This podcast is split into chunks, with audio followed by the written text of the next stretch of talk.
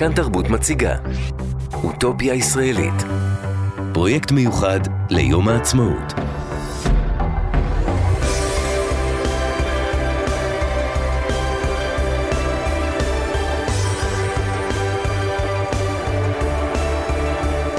נולדתי שלוש שנים לפני הגאולה, בן רביעי להוריי, לאחר שני בנים ובת.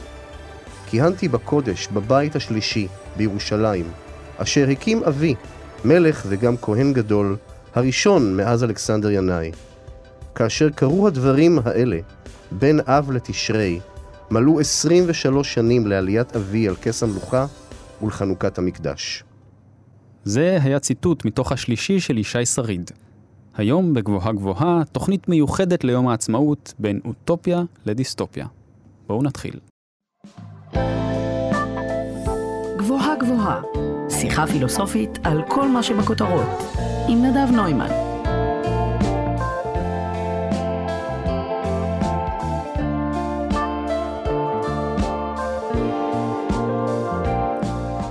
בני אדם הם יצורים מדמיינים, חולמים.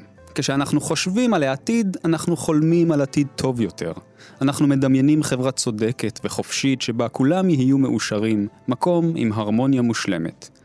עוד במאה הרביעית לפני הספירה, אפלטון דמיין את עיר המדינה האידיאלית, והתחום הזה מלווה את הפילוסופיה הפוליטית והחברתית וגם את הספרות עד ימינו. וכמובן, זה גם היה החלום של ההוגים הציונים שחלמו את המדינה העברית הנכספת. אבל ההגשמה אף פעם לא עומדת בסטנדרטים של הפנטזיה. זו מהות האוטופיה, וההתנגשות בין החלום למציאות הוא מה שהופך אותה לא פעם לדיסטופיה. אתם על כאן תרבות, התוכנית גבוהה גבוהה, שבה מדי שבוע אנחנו לוקחים נושא מהכותרות ומפרקים לו את הצורה הפילוסופית. כי דעות על מה שקורה יש לכולם, אבל כדי להבין מה עומד בבסיס המציאות, צריך לחפור קצת יותר. והפעם, לרגל יום העצמאות, אנחנו הולכים לדבר על אוטופיות. זה חלק מפרויקט אוטופיה ישראלית של כאן תרבות, שבו אנחנו חוזרים לחולמים הגדולים של המדינה הישראלית, העברית, היהודית, כל אחד והאוטופיה שלו, ומדמיינים איך היא הייתה נראית אם האוטופיה הייתה מתגשמת. כל הפרויקט הזה כבר זמין לכם באתר ובפייסבוק של כאן תרבות. בפרק הזה של גבוהה גבוהה ננסה להבין מה זה בכלל המושג הזה אוטופיה ונבדוק איך סופרי מדע בדיוני היום מדמיינים את ישראל של העתיד, ולמה העתיד הזה הרבה פעמים יותר דיסטופי מאוטופי. אל המסע הזה נצא עם אורי אביב, מנהל עמותת ופסטיבל אוטופיה למדע בדיוני ולסיפור העתיד, אחד האנשים היותר מושקעים במדע בדיוני וספרות ספקולטיבית שאני מכיר. שלום אורי. שלום רב. אז תגיד, קודם כל, לפני הכל, מה זה בכלל אוטופיה? אנחנו רואים אוטופיה אוטופיה, אבל מה המשמעות של המושג הזה? אז uh, זו מילה נהדרת כי היא כפל משמעות. ולשומעות ושומעי התוכנית שיש להם ידע ביוונית עתיקה, הם ודאי יודעים זאת. ודאי, כולנו דוברי יוונית עתיקה. אתה יודע. 1516, רואה אור בבריטניה, ספרו של תומאס מור, אודות משטר המדינה המשובח באי החדש אוטופיה. שמתאר בספר אי מסתורי, סמוך לאירופה, אבל שייך לעולם החדש. 1516 התגלה העולם החדש, כן, זה כן, אי כבר, שם בדרך. זה כבר, כבר היה איזשהו חלום. נכון, ומור מתאר שם את חברה ומשטר אידיליים, כמובן על פי הגדרתו באותה תקופה, והאידיליה שלו היא מאוד אידילית, זאת אומרת, היא, היא סוציאליסטית, אין בה כמעט חוק, אין בה עורכי דין, שומרים על, ה- על החברה פשוטה מספיק כדי שכל בן אדם יוכל להבין את החוק. רגע, אה, אבל, אבל אוטופיה זה השם של האי שהוא מדמיין, וזאת אוטופ- הפעם הראשונה בעצם שהמושג הזה מופיע אה, כ, כמשמע, כמשהו. כן, בשם הזה. וה, וה, והשם הזה, אוטופיה, זה בעצם, או, אתה אומר זה כפל משמעות, זה, זה או המקום הטוב, נכון? זו המשמעות אחת של המושג. המקום המושלם. זה, מושלם. זה תלוי באיך אתה, איך אתה אה, כותב את ה-O מהמם. ביוונית, וזה אה, או המקום המושלם או המקום הלא קיים. שזה מסתדר. שזה מסתדר היטב, ומאז ועד היום אין תשובה להאם הכתיבה של אה, תומאס מור, אגב, אה, הקדוש, אה, הפטרון, הקדוש הפטרון של מדינאים ופוליטיקאים, מעל שנת 2000, אה, אז אי אפשר לדעת אם הוא כתב את זה כ... כראיית עולם, כחזון לעתיד, כן, כן. או כסאטירה, או כסאטירה, מוחלטת. כי זה לא יכול להתקיים פשוט ברור. החברה המושלמת הזאת. עכשיו נגיד שזה, אולי, בעצם זאת הפעם הראשונה שהמילה אוטופיה מופיעה בהקשר של הדבר הזה, אבל זה לא פעם ראשונה שנכתבה יצירה שמדמיינת את המקום המושלם. עוד הזכרתי בפתיח, אפלטון כבר ב-390 לפני הספירה, הוא מוציא את... אה, אה, מופיע החיבור שלו, הרפובליקה או המדינה או הפוליטאה ב- ביוונית, הוא מוציא גם עוד, אה, יש עוד חיבור של אפלטון בשם החוקים, שזה קצת פחות מוכר, אבל הוא מדמיין שם את הפוליס האידיאלי כבר אז, ש- שגם שם זה, זה די... יש שיאמרו שזה מושלם ויש שיאמרו שזה דיקטטורה דכאנית ו- ונוראית, ולכן זה, זה, זה, זה גם מעניין איך, איך, איך, אתה, איך אתה חושב על זה, כי הוא, אני אעשה איזה תקציר קצר של, ה, של החברה האוטופית שהוא מדמיין בפוליטאה. הוא קודם כל מבקר את סוגי המשטר של התקופה שלו, והוא מגיע למסקנה שבראש המערכת הפוליטית צריך לעמוד אה, מלך פילוסוף, שמושל לא לטובתו העצמית, אלא לטובת הפוליס. עכשיו, טובת הפ... מה, מהי טובת הפוליס? זה גם, זה גם שאלה, אבל... מי, מי נכלל בפולי... מי נכלל, ב... כן, כמובן, אה, אבל, אבל אצלו, ב... ב...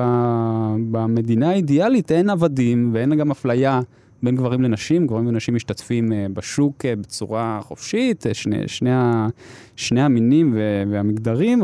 עכשיו, הוא דן בכל התחומים שאמורים להדאיג את מי שרוצה לבנות חברה אידיאלית, אז כאילו איזה, איזשהו prototype בכלל ל, ל, ל, לאוטופיות. עכשיו, החברה שם היא מחולקת לכמה היררכיות, לכמה מעמדות. יש סוחרים, איכרים ופועלים, ויש שומרים, והשומרים מחולקים ל, לאנשי צבא ולמושלים, ויש איזשהו מעבר בין, ה, בין המעמדות בעם, אבל זה מחולק בצורה כמעט גזענית.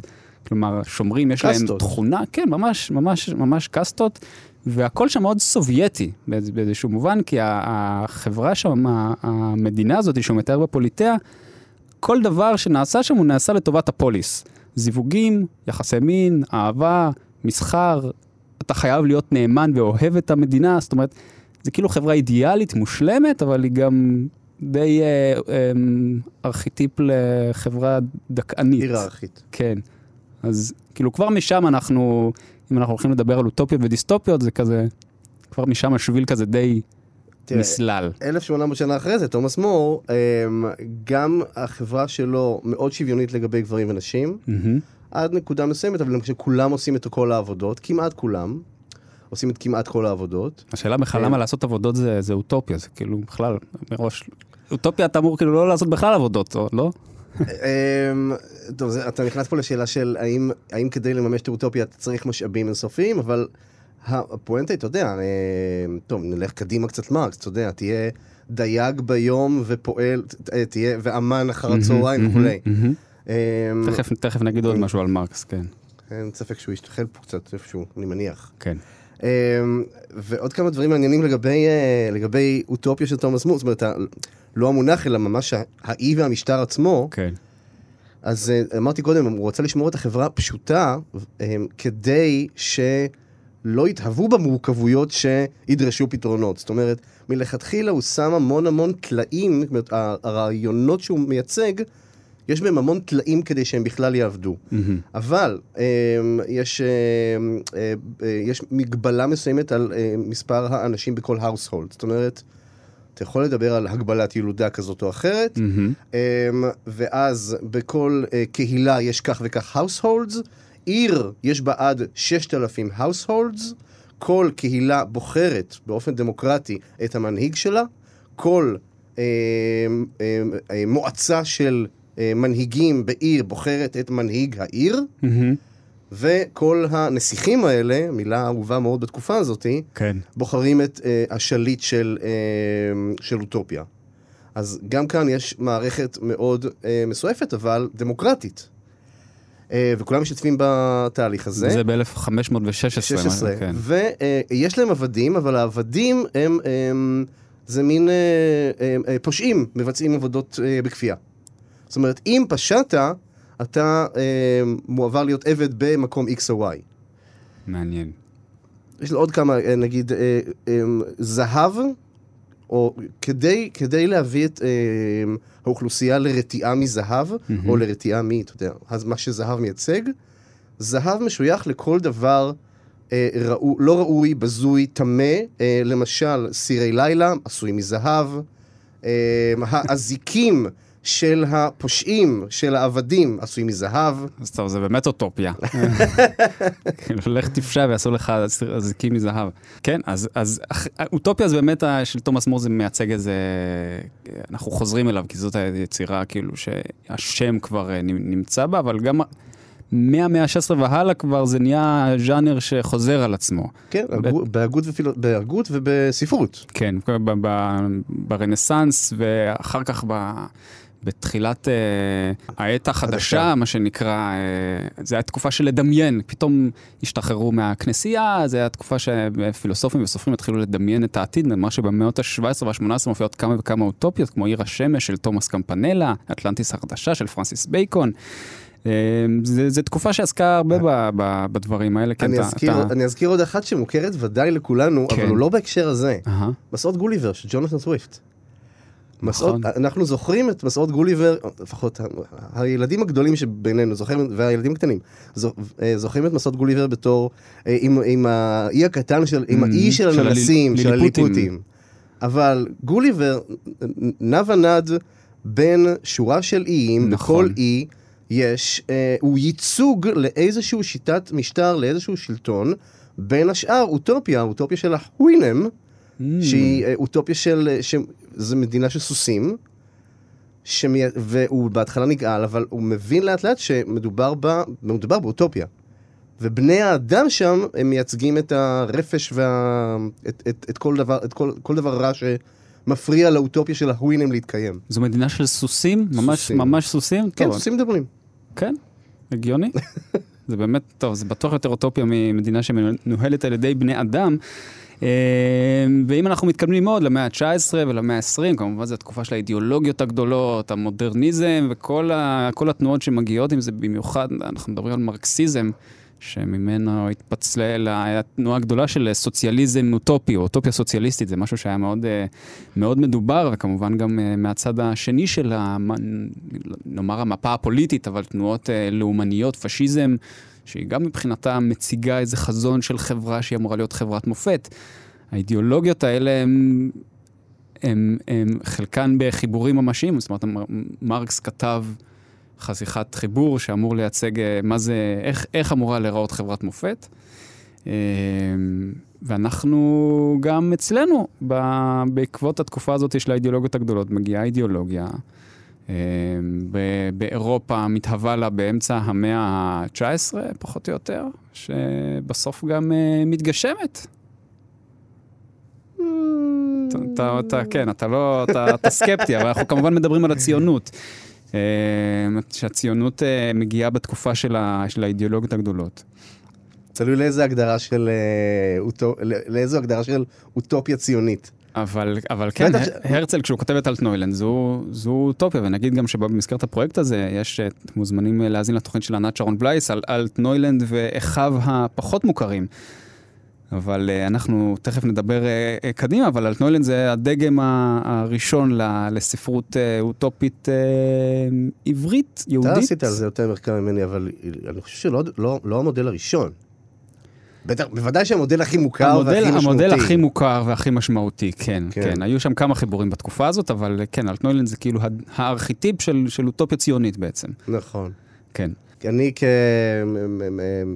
כמפיק, עורך תוכן, מארגן של אה, אירועי ספרות, תרבות, קולנוע שקשורים במדע בדיוני, אה, פניתי לפני אה, כבר אולי עשור למוסד תרבות בירושלים, שלא אציין את שמו, והצעתי להם סדרת uh, מפגשים, סדרת הרצאות, לא רק של, של uh, שורה של סופרים מכובדים, כן.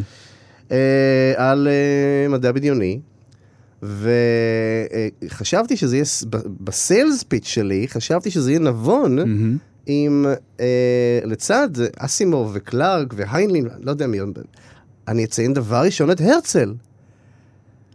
זה לא היה טריקת טלפון מיידית, אבל זה היה הכי קרוב לזה. אז... כי השיוך הזה, כן, הוא כן. מאוד היה מוזר למי שהיה בצד השני של הטלפון. וזה מעניין. אז אנחנו, אנחנו אולי מקדימים את המאוחר, אבל נגיד, אבל, אז, אז, אז נגיד בעצם ש... כי מה? כי, כי אוטופיה לא... לא נתפסת כמשהו שהוא חלק ממדע בדיוני, או כי אנשים לא תופסים את הרצל כמשהו שיכול להשתייך למדע בדיוני? למה בעצם? אני לא, אתה יודע, אני עושה אנליזה למישהו בצד השני של טלפון לפני עשור, אבל אה, שני, שתי מחשבות, אוקיי? אם אני נדרש לשים אותו על ספת המטופל. אה, האחד, סיבה תדמיתית כזאת היא... אה, אה, ציבורית, מה התפיסה הקיימת לגבי צמד המילים מדע בדיוני, כן? מדע בדיוני זה אה, בכיוון אחד, חייזרים, רובוטים, חלליות, חלל, כן? כן, רובי לייזר, רובי כיבושים של כוכבים. נכון, זאת אומרת, אה, א', מאוד פנטסטי, לא קשור לכאן ולעכשיו, אה, ושתיים, אולי גם קצת ילדותי. Mm. אה, וכמובן שאני כופר בשתי העמדות האלה כפירה מוחלטת, ואנחנו נדבר על זה ונראה את ה... אני... אה, בהחלט. אה, נראה את ההוכחות. אבל אין, אין ספק שזה משהו שכן קיים בסביבה, אולי, אולי, אולי לפני עשור יותר ועכשיו פחות. הדבר השני זה שכמובן, יש איזה מתח כשאני, כשאנחנו מזכירים את הרצל אה, דמות אה, איקונית ב, אה, במדינה, במוסד הציוני וכולי. כשאני משייר, כשאני, כשאנחנו משייכים אותו כן. לאיזשהו זרם ספרותי, פנטזיונרי, כן. זה, יש בזה אולי עלבון או חוצפה, אבל אני חושב שהחוצפה היא שלו, וטוב מאוד שהייתה לו חוצפה, זאת אומרת, טוב מאוד. לא יודע אם טוב, זה כן, זה שאלה, זה שאלה פוליטית, אבל לולא החוצפה שלו, והחוצפה של הרבה אחרים, לא היינו פה. אז... אז לא כל מדע בדיוני הוא, הוא, הוא אוטופיה, כי באמת לא. יש כל מיני, יש דברים אחרים, אבל כל אוטופיה היא, היא במהותה ספרות ספקולטיבית, מדמיינת. נכון. זה, זה מדע בדיוני, זה משהו שצריך לשים... אה, כאילו- לקטלג. מחדש. כן, כן. אבל אם כן, כאילו, אם, אם, אם לא רוצים את צמד המילים מדע בדיוני, באמת הצמד המילים שאתה משתמש בו, יצירה או ספרות ספקולטיבית, זה, זה נו, המעטפת היותר גדולה שכוללת גם אוטופיה. כן. זה דבר שהוא רק חיובי? כלומר, אמ, אנחנו, אנחנו מציירים כאן כמה, ציינו כמה יצירות ואמרנו איך הן מדמיינות את החברה האוטופית, אבל... מה זה חיובי? זאת אומרת, הכל, זו שאלה של איפה אתה ממקם את האוטופיה, במרחב ההוגותי הפוליטי או במרחב הספרותי? עכשיו, אה, וטוב זו שאלה גם של מוסר. אמ, בוא נלך כאילו, בוא נלך, בוא לא נלך סחור סחור. מיינקאמפ זו אוטופיה, אוקיי? כלומר, על פי מי שכתב אותה. על פי מי ש... לא יודע אם מיינקאמפ, כן, אבל תורת הגזע הנאצית, והוא ניסיון ליישם אוטופיה בפועל, בשטח, במציאות, להכפיף או לעצב מחדש את, אה, את המין האנושי כולו ואת כל הסדר הקיים mm-hmm. לתורה מסוימת. אה, האם היא אוטופיה טובה? אה, אני חוזר לשאלה שממש שאלתי בתחילת התוכנית, אה, תלוי למי. עכשיו, אני אתן עוד שתי דוגמאות, זאת אומרת, אתה יודע, אה, גם האומה האמריקאית, אוקיי? כן. היא אוטופיה. כן. ההבד... יש הבדלים, שם... אין, אין ספור הבדלים, אבל אחד המשמעותיים שהאמריקאים אה, מאוד אוהבים להתהדר בו, זה אה, שהאוטופיה האמריקאית לא מיועדת להיות שלמה אף פעם. היא תמיד דורשת המשך בנייה. Mm-hmm. היא תמיד דורשת המשך עשייה. Um, וזה מיוצג במשפט אחד, אני חושב אה, במגילת העצמאות שלהם, uh, to make a more perfect union. Mm-hmm. זאת אומרת, לא to make a perfect union, mm-hmm. uh, but a more perfect union. וההיסטוריה האמריקאית, שהיא עקובה מדם ויש בה אסונות ונוראים וטבח והרס והשמדה ושעבוד, הוא גם ניסיון לחתור לכיוון של a more perfect union, כן? מלחמת אזרחים שמתו ב-600 אלף איש כדי לשחרר את האדם השחור. כלומר, יש משהו ב, אולי בדוגמטיות, אפשר, אפשר לבחון אוטופיה אם היא טובה או לא, על פי הדוגמטיות שבה היא, היא מתארת את, ה, את המצב העתידי. Um, אתה רוצה לייצר um, um, חזון שאתה יכול להתקדם אליו. Mm-hmm. Um, אבל יש ציטוט שאני אמצא אותו לאורך השידור כדי, uh, כדי לצטט אותו בסוף, אבל הרציונל הוא שהאוטופיה צריכה להתרחק ממך כל פעם שאתה מתקרב אליה. Um, יפה. אבל אתה ממשיך להתקדם. Mm-hmm. אמ, וזה, וזה רעיון טוב. אמ, ככל שאתה מתקרב אל האוטופיה, לפחות ב, ב, בשדה הפוליטי, כן? אני, אתה יודע, על, על, על ספרות נדבר אולי עוד מעט בהקשרים כן. אחרים. אז אה, אה, כשאתה מתקרב יותר מדי אל האוטופיה, אה, כנראה יהיו נפגעים. כי, אני, כי מה שרציתי לשאול זה מה בעצם ההבדל בין אוטופיה לדיסטופיה, אם, אה, האם עבור אחד רעיון מסוים הוא אוטופיה, ועבור השני אותו רעיון יכול להיות דיסטופיה. האם כשאנחנו מקטלגים אה, אה, יצירות ספרות למשל, או יצירות אה, הגות לאוטופיה או דיסטופיה, האם זה לא פשוט תלוי אה, נקודת מבט? אז התשובה הפשוטה היא כן, כמובן, one man's uh, terrorist is another man's freedom fighter, אז uh, uh, האוטופיה של האחד היא הדיסטופיה של האחר, אבל התשובה היותר ארוכה היא לא בדיוק, כי um, כש, בשדה ההגותי, בשדה הפיל, הפילוסופיה הפוליטי, uh, אוטופיה מיועדת לתאר איזשהו חזון אידילי למדינה. כן. דיסטופיה, שזה מונח אגב שהתחיל, נטבע באמצע המאה ה-19, לפני כן קראו לזה קקוטופיה. קקוטופיה. קקוטופיה. טוב שזה לא תפס. קקו זה אה, מלשון רע ב- כן. ביוונית. אני מניח שיש לזה השלכות לעוד מילים בשפה, אה, לא רק שלנו. אה, אה, אז אה, אה, קקוטופיה, או אה, מאוחר יותר, מ-1868, זה השימוש הראשון אה, על ידי ג'ון סטיוארט מיל. אה, כמונח אנלוגי לאוטופיה, אבל שמייצג לא את החברה האידילית, אלא את החברה הרעה ביותר. עכשיו, אוקיי. חשוב להבדיל למשל בין דיסטופיה לאפוקליפסה או פוסט-אפוקליפסה, זאת אומרת, בדיסטופיה החברה עובדת. יש חברה, יש מהמם. שלטון, החברה לא התפרקה, לא קרתה איזה, לא קרה אסון שפירק אותנו לחתיכות קטנות, אנחנו לא שבטים אה, שנלחמים על, אה, על בנזין ומים במדבר לוהט ואני לא יודע מה, אנחנו כן, לא, כן. אנחנו, מקסימום זה לא דיסטופיה. בלייד ראנר זו דיסטופיה, כן, עם 1984, אה, עולם חדש מופלא, אלו הדיסטופיות המאוד מאוד מוכרות. כן. אמ, בה החברה מתפקדת, אבל מה שמניע את החברה זה האינטרסים, האינסטינקטים, הערכים, השפלים, הנוראיים, הגרועים ביותר של. שאדם מסוגל לייצר. אז, אה, ואז כמובן, אתה יודע, כש, כשאתה רוצה אה, אה, לומר משהו על החברה שסביבך, אז אתה עלול להשתמש יותר בדיסטופיה. אה, אם אתה רוצה לצאת ממנה. אה, ואגב, יש גם, אה, כ- אמרתי, יש עוד, יש עוד ז'אנרים ספרותיים שהם כולם תחת איזושהי מעטפת גדולה של ספרות ספקולטיבית מצד אחד, אבל גם שיש יש בהם שימוש ב, ב, ב, במרחב ההגותי, פילוסופי, פוליטי. עכשיו מדברים גבוהה גבוהה, בכאן תרבות. אתם על כאן תרבות, התוכנית גבוהה גבוהה, אני נדב נוימן מדבר היום עם אורי אביב על אוטופיות. אנחנו מקיימים את השיחה הזו כחלק מפרויקט אוטופיה ישראלית של כאן תרבות ליום העצמאות. עכשיו נבחן את המושג הזה שאנחנו מדברים עליו, אוטופיה, או המתח בין אוטופיה לדיסטופיה, באמצעות כמה ספרי מדע בדיוני של סופרים ישראלים ויהודים מהשנים האחרונות. נראה איך הם מדמיינים את המדינה העתידית האידיאלית הזאת.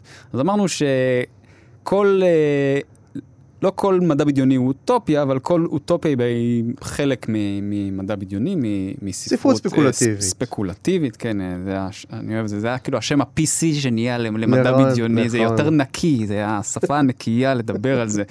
אז יש כמה ספרים שנכתבו, זאת אומרת, יש לא מעט ספרים שנכתבים אה, סביב הסוגה הזאת בשנים האחרונות, לא, לא מספיק, לא מספיק. מעט מדי, אה, לדעתי, לטעמי אוקיי. האישי. אבל, אבל, אבל אבל יש, מצאנו, כמה, אה, לא, מצאנו כמה וכמה, אבל הם מאוד שונים מהספרים ה- הבסיסיים של האוטופיות היהודיות, האוטופיות העבריות, האוטופיות הציוניות של אה, סוף המאה ה-19, תחילת המאה ה-20, אנחנו מדברים על אה, לוינסקי, בוריס שץ, הרצל, שכתבו אוטופיות ממש, אה, שמדמיינות באמת חברה אידיל, אידיאלית מושלמת והרמונית, והספרים שאנחנו הולכים לדבר עליהם עכשיו הם קצת שונים. אז אולי נתחיל, נדבר קצת, ניתן דוגמאות מהספרים עצמם, ואז נבין מה... אני אקדים לך, מה אני? אני אומר דבר אחד, אה, ולגבי ספרות מדע בדיוני בכלל, כן.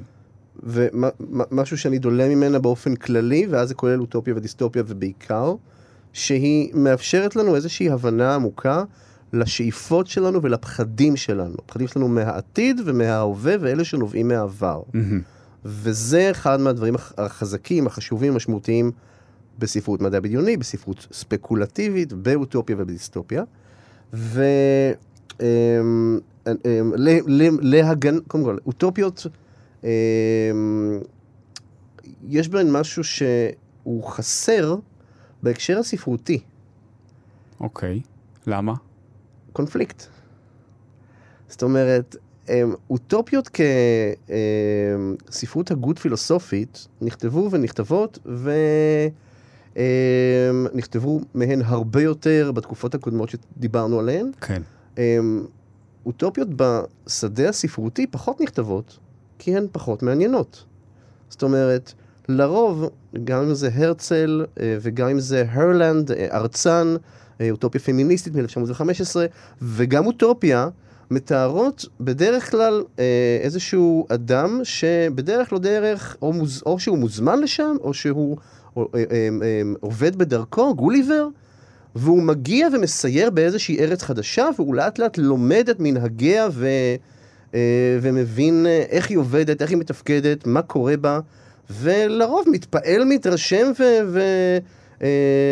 מתפלא ואומר, היינו צריכים לעשות את זה, אולי תבואו אלינו, אני צריך להביא את הרעיון הזה והזה.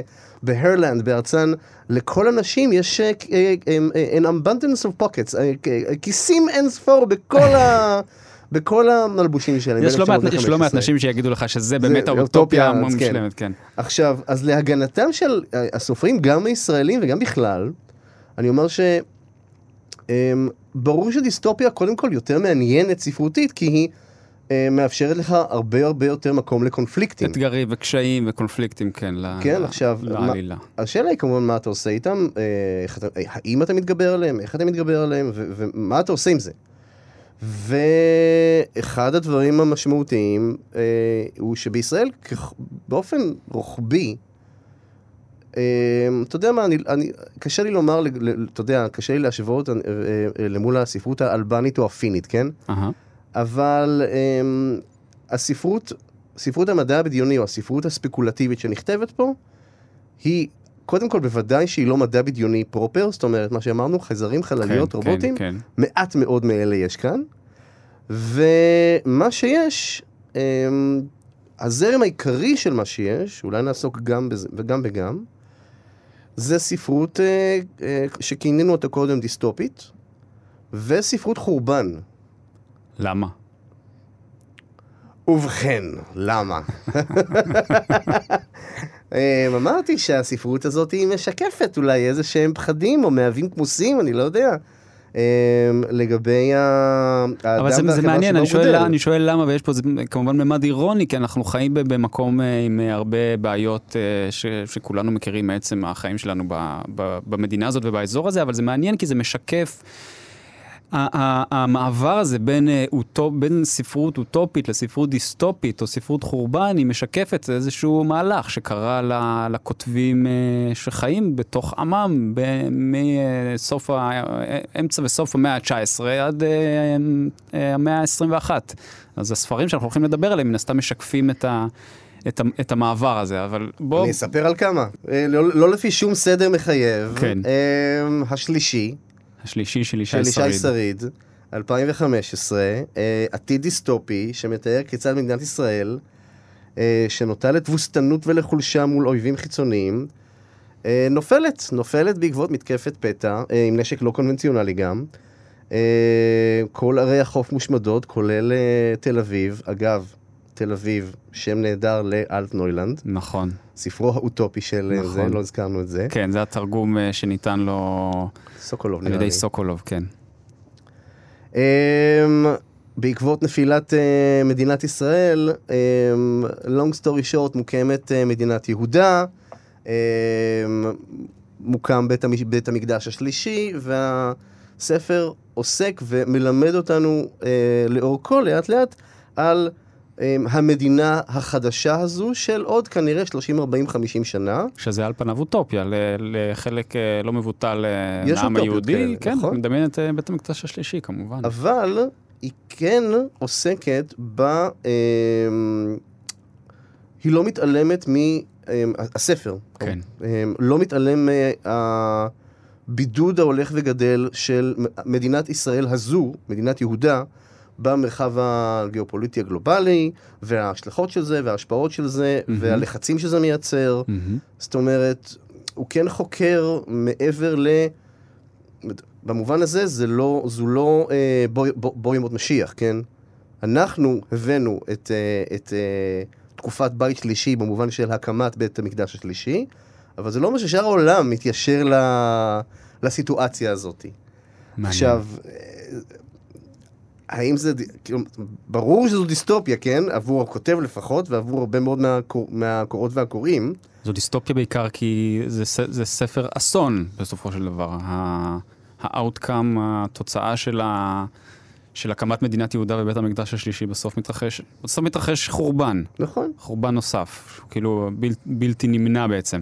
אם היה, אני, אני, אני מנסה לתאר לפי מה שדיברנו מקודם, אם זה היה פשוט אוטופיה, זה גם כן היה פשוט נורא משעמם. זאת אומרת, אפשר לתאר, אה, אפשר לכתוב ספר שמתאר את חברת המופת כשיקום בית המקדש השלישי, חברת לא המופת ש- היהודית. לא רק שאפשר, נכתב, נכתבו כאלה, ויש uh, בישראל אנשים שמקדמים את uh, בניית בית המקדש השלישי, ומכינים הרי את כל התשתיות, אפילו הטכניות, כן, לוגיסטיות, נכון, לומדים את את המטריה. הלכ- אה, אה, הלכי, ה... אה, אה, אה, את כל סדרי הפעילות של, אה, של בית המקדש, איך שוחטים, מתי שוחטים, מה לובשים כששוחטים וכולי.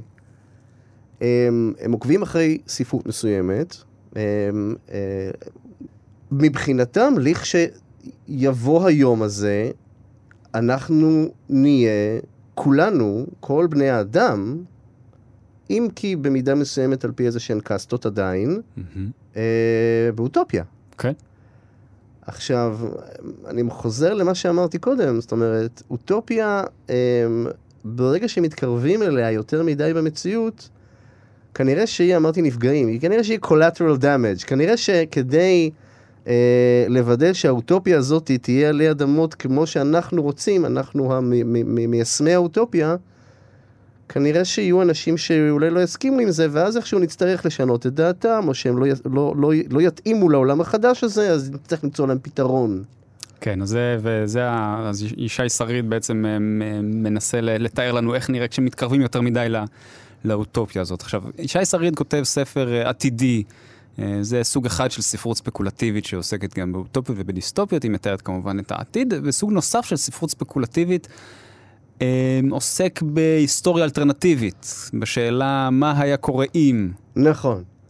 ואמרתי שאנחנו, אמ, הספרות בישראל עוסקת הרבה ב... בדיסטופיה, בביטול, בחורבן. אה, אחד הדרכים אה, לביטול ולחורבן היא, אתה יודע, אה, בוא נחזור בזמן ונהרוג את היטלר. כן, אז, כמובן. אה, מה היית עושה אם היית, אם היית חוזר בזמן ופוגש את היטלר התינוק? זו השאלה השנואה עליי. אני, אה, אה, לפני איזה כמה שבועות, או איזה חודש, חודשיים, היה איזה אה, אה, טריק קטן באינטרנט חדש, שאתה יכול להכניס תמונה ישנה ואתה מייצר לה image שהוא קצת אה, נע. כן. נכון, מזעזע. כמובן שהכנסתי את אה, אה, היטלר התינוק, מיד, מיד, עניין אותי לראות. דיסטופיה מוחלטת. אוקיי, אז אנחנו מדברים על היסטוריה אלטרנטיבית, אחד הספרים אה, החביבים. החביבים ושמתאימים לנו לתמה שבין אה, אוטופיה לדיסטופיה, זה ספר של יואב אבני, בשם הרצל אמר. הרצל אמר, מרמז משהו על אה, לאן הוא הולך. זוכה פרס גפן למדע בדיוני, הספר המקור הטוב ביותר בשנת 2012, אה, ספר מ-2011. אה, בואו נקרא פה, ב-1903, אני קורא מגב הספר, שר המושבות הבריטי מציע להרצל שטח אדמה באוגנדה. שנתיים אחר כך יוצא משלחת חוקרים אל מעבה הסוואנה וחוזרת נרגשת.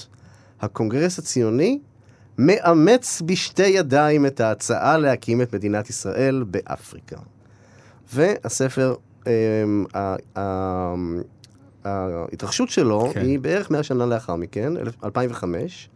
ישראל סוערת על רקע תוכנית ההתנתקות משטחי שבט המסאי ופינוי יישובים ותיקים ככפר דרום ונווה באובב. אה, ושני חברים, כפיר וארי, אמ, וכל השמות בספר הם שמות של, אה, שמות, שמות האנשים בספר. הם שמות אה, אה, חייתיים. משתחררים מהצבא, מתכננים לצאת לטיול הגדול, למזרח. למזרח התיכון. וקודם כל זה גם מתחכה באופן, אמ, אה, יש פה אבסורד על אבסורד על אבסורד, כי גם, ה- גם אלטנוילנד זה הרי מסע של, אה, מסע במדינת היהודים העתידית. כשהרצל כתב את זה ב-1903, אם אני לא טועה, אה, הוא מדבר, אה, הוא, הוא, הוא רומז על כך שזה 20 שנה בעתיד. זאת אומרת, הוא נותן איזשהו, הוא אפילו אה, תובע איזה... כן. אה, נקודת זמן בעתיד, וכמו שתיארתי קודם, הוא אה, מייצר, אה, כמו שתיארתי קודם לגבי אוטופיות, גם הרצל עושה את זה, אה, אה, אה, דרך העיניים של מבקרים מבחוץ, שמסיירים במדינה, אנחנו לומדים על כלליה, חוקיה, הנורמות שלה, המסורות שלה, האנשים שבה ואיך הם מתנהלים. וזה מה שיואב עושה. הוא שולח את שני הצעירים, שממש משתחררים מצה"ל, זה, זה, זה ממש כמה פרקים ראשונים, זה בכלל עוד, בש, עוד בזמן השירות הצבאי שלהם. מצחיק. ועל התוכניות שלהם, האם הם אה, ייסעו לאן שהוא בקו המשווה, או כאילו לאן הם ייסעו, ואז יש איזו הזדמנות לנסוע לפלסטין. אה, וחבר אחד אומר, לא, מה אנחנו צריכים, מה יש לעשות שם, וזה, וירוש- אה, נורא יקרה. אבל, אבל כל המסביב אין מה לעשות, והוא אומר, לא, יש לה, אבא שלי מוזמן לאיזה השקה, אנחנו... נוסעים, בקיצור, מגיעים, טיול אחרי צבא, מגיעים בדיוק. לארץ ישראל, שלא נקראת ארץ ישראל כמובן. לא נקראת ארץ ישראל, אמ, ובואו אני אספר קצת על הספר, אה, קצת יותר על הזה. אגב, זה גם עשר שנים לאחר, לאחר רצח רבין, וקמו סערה על ההתנתקות, אמ, משתחררים משירות סדיר, אמ, ומה הם מוצאים שם? הם מוצאים מדינה שתושביה ערביים, אה, יש בה מושבות טמפלרים דוברי גרמנית, ויש בה מובלעות אה, של יהודים שרובם דוברי יידיש, ויש איזה שני קיבוצים שהוקמו, ונותרו אה, נותרו שם. מעניין. וכמובן שמאוד מאוד מעניין לראות את, אתה את, ה, את הזווית הזאת ואת ה- what, what might have been, וכמובן שזה הכל ב... יש איזה- בקריצה למה שקורה כן, כאן, כן, כן? כמובן. ויש כאן איזה כזה, טוב, יש כאן כמה אוט- אוטופיות, אה, בועות של אוטופיות, כי הקיבוצים, אה, כמובן, זה... נכון. זה, זה, זה קם כיישום אה, של האוטופיה הסוציאליסטית. כמובן גם המובלעות אה, דוברות יידיש של אה, יהודים אורתודוקסים, אה, כמובן, שזה חברה שהיא אוטופית מבחינת יישום בשטח של, של כתבי קודש. כלומר, יש כאן איזו התכתבות בכלל עם, עם, עם יצירה ספרותית אוטופית בשטח. עכשיו, אני, אם, אם הזכרנו את, ה, את הז'אנר הזה, אז יש עוד כמה כאלה אה, שנכתבו, לא, לא ארחיב על כולם, אבל ישראל של נאוה סמל. אה, אגב, אגב אה, תוכניות אוטופיות לעם היהודי, אה, נאוה, אה, נאוה סמל כזה העלתה מן השוליים הסהרוריים של ההיסטוריה עוד תוכנית למימוש לאומי, לבית לאומי לעם היהודי. כן, כן. פשוט אה, תוכנית מוקדמת לזו של הרצל, ו- ו- וקצת מוקדמת מדי, כי היא קדמה לתנועת אביב העמים וכולי. ב-1825, איזשהו אציל יהוד... אה, אציל. אה, פשוט זה סיפור אמיתי, כן? כן. אז... אה, מה הסיפור? ה- ה- ה- חלקת אדמה ב... איפה? ב... upstate ניו יורק, ליד אה, מפלי הניאגרה, ממש אה, דרומית למפלי הניאגרה, בדקתי אתמול באטלס. בדקתי בגוגל מפס. אה, אגב, אה, אוטופיה דיסטופיה. אז אה, דיפלומט, עיתונאי, מחזאי אמריקאי יהודי בשם מרדכי מנואל נוח, שהיה שגריר ארצות הברית בקייב, וחווה שם קצת אנטישמיות, אז uh, ביקש לעבור מקום, והוא עבר להיות שגריר ארצות הברית בתוניס, אם אני לא טועה. מהמם. Um, ואז חזר, um, והפך לפובליציסט, uh, מו"ל בניו יורק, ועם uh, הון כזה או אחר, רכש חלקת אדמה עצומה, כמו שאמרת, ב upstate ניו יורק, גרנד איילנד. מהמם. אמ, ועם הרבה צלצולים, הקים בה, לכאורה כביכול במרכאות, אה, ועם הרבה אה, air quotes, אה, הקים בה את מדינת אררט, וקרא ליהודי העולם לבוא. חלום? נכון, פשוט אף אחד לא בא. אמ, חבל, מה רע לגור ב- ב upstate ניו יורק. אבל אה, כן, גם שם בספר הזה בישראל היא מתארת את, המפגש הבעייתי של החברה, נכון? בין, שתי, בין אה, החברה ה- הילידית למתיישבים היהודים. נכון. ו- ו... זאת אומרת, אה, לא, מה פשוט רציתי לעבור אה, לספר המכונן של הסוגה הזאת, מהמם. בתחום הזה. כן. אה, שוב, נכתבו עוד כאלה. אה, אה, נאוה דווקא אה, קדמה לספר המכונן באופן מפתיע. הספר המכונן הוא כמובן, אה, הוא אה, של יהודי טוב, אבל אה, הוא לא ישראלי.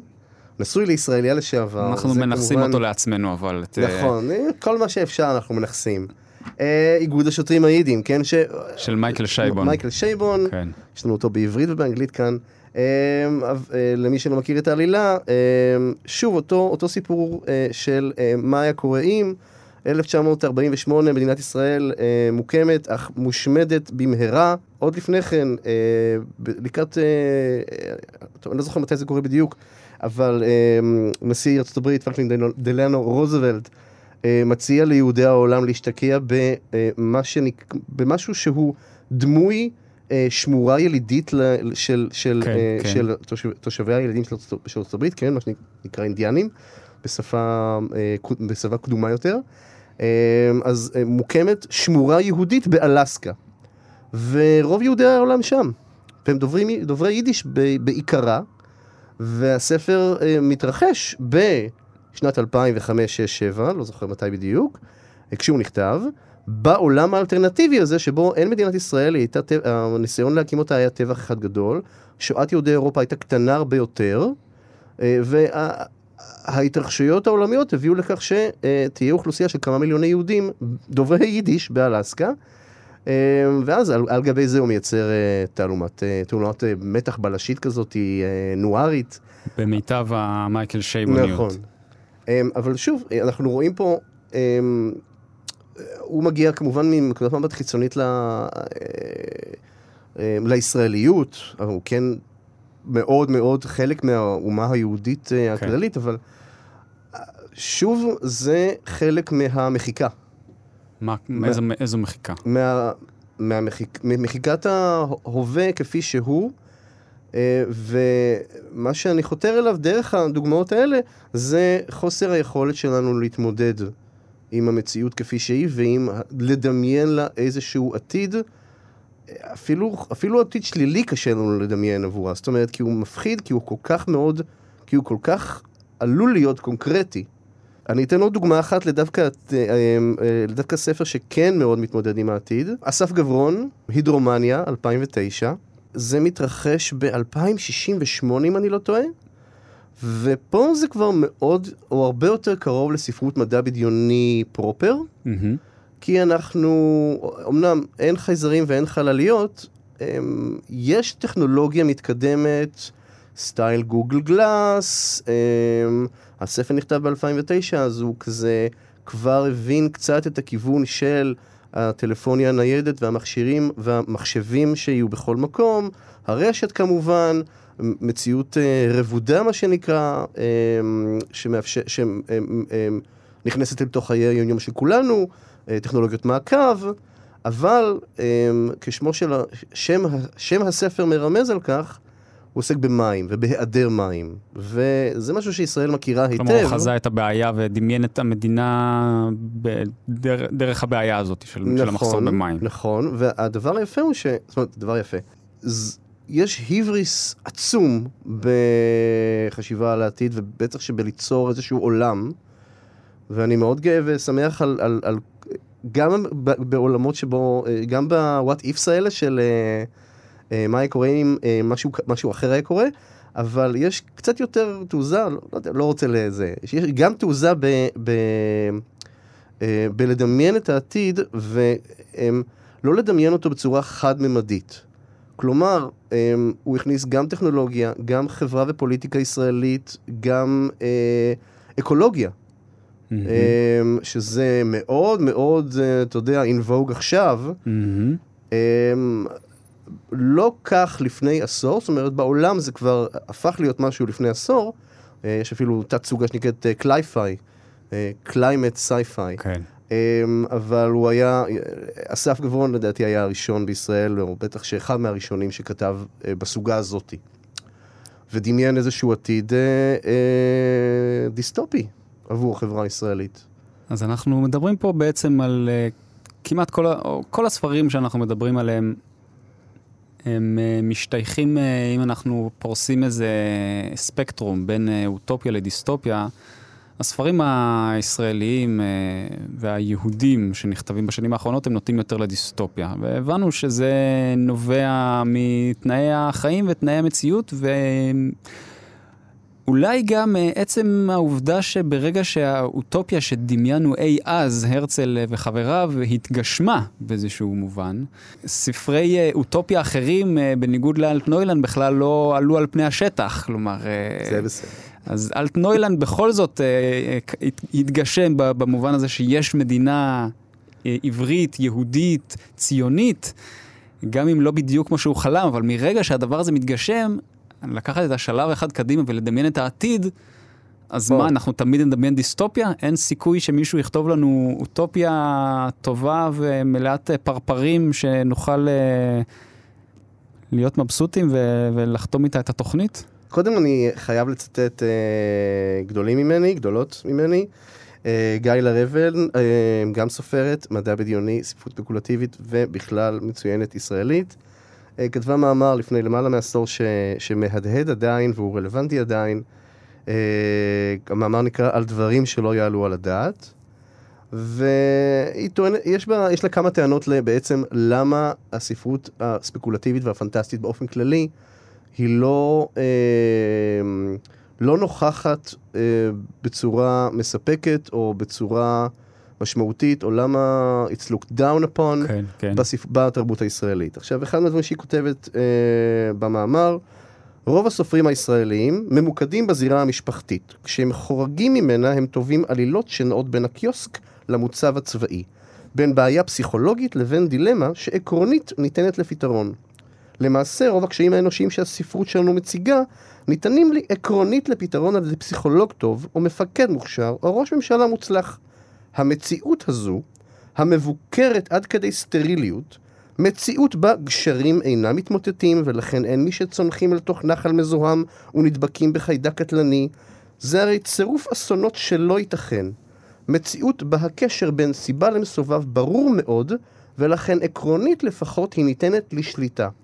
המציאות הדיאטטית הזאת איננה דומה לשום מציאות שאני מכירה. Mm.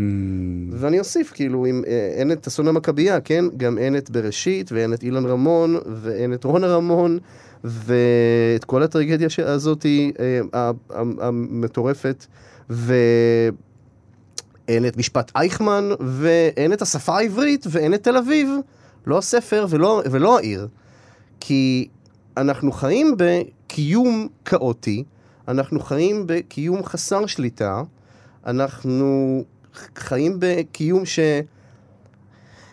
אני לא אדם דתי, אני אפילו אתאיסט, אבל... אה, אה, אז המילה נס פה היא בשבילי אחרת, אבל אנחנו חיים בעולם שאם אתה מסתכל סביב, קורים בו דברים, נגיד, משוגעים כל הזמן.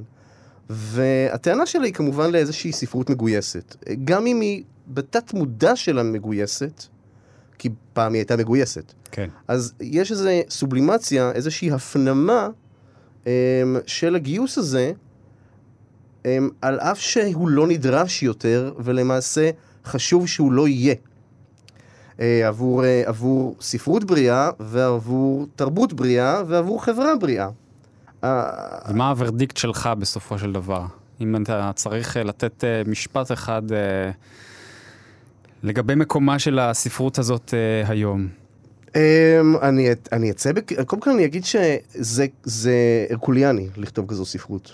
זה, דו, זה מחייב אותך להתעמת עם עם כל כך הרבה טבואים לא מדוברים, כמו שהיא כותבת כאן, ואחרים. אני חושב שאחת הבעיות היא, אמ, היא שהספרות הזאת יש לה נטייה לאוניברסליזם. כשאנחנו מסתכלים לעבר העתיד הישראלי, הוא מאוד מאוד פרטיקולרי. אנחנו, אה, יש לנו גאווה גדולה עבור מדינה מאוד קטנה, אבל אנחנו מדינה מאוד קטנה. Mm-hmm.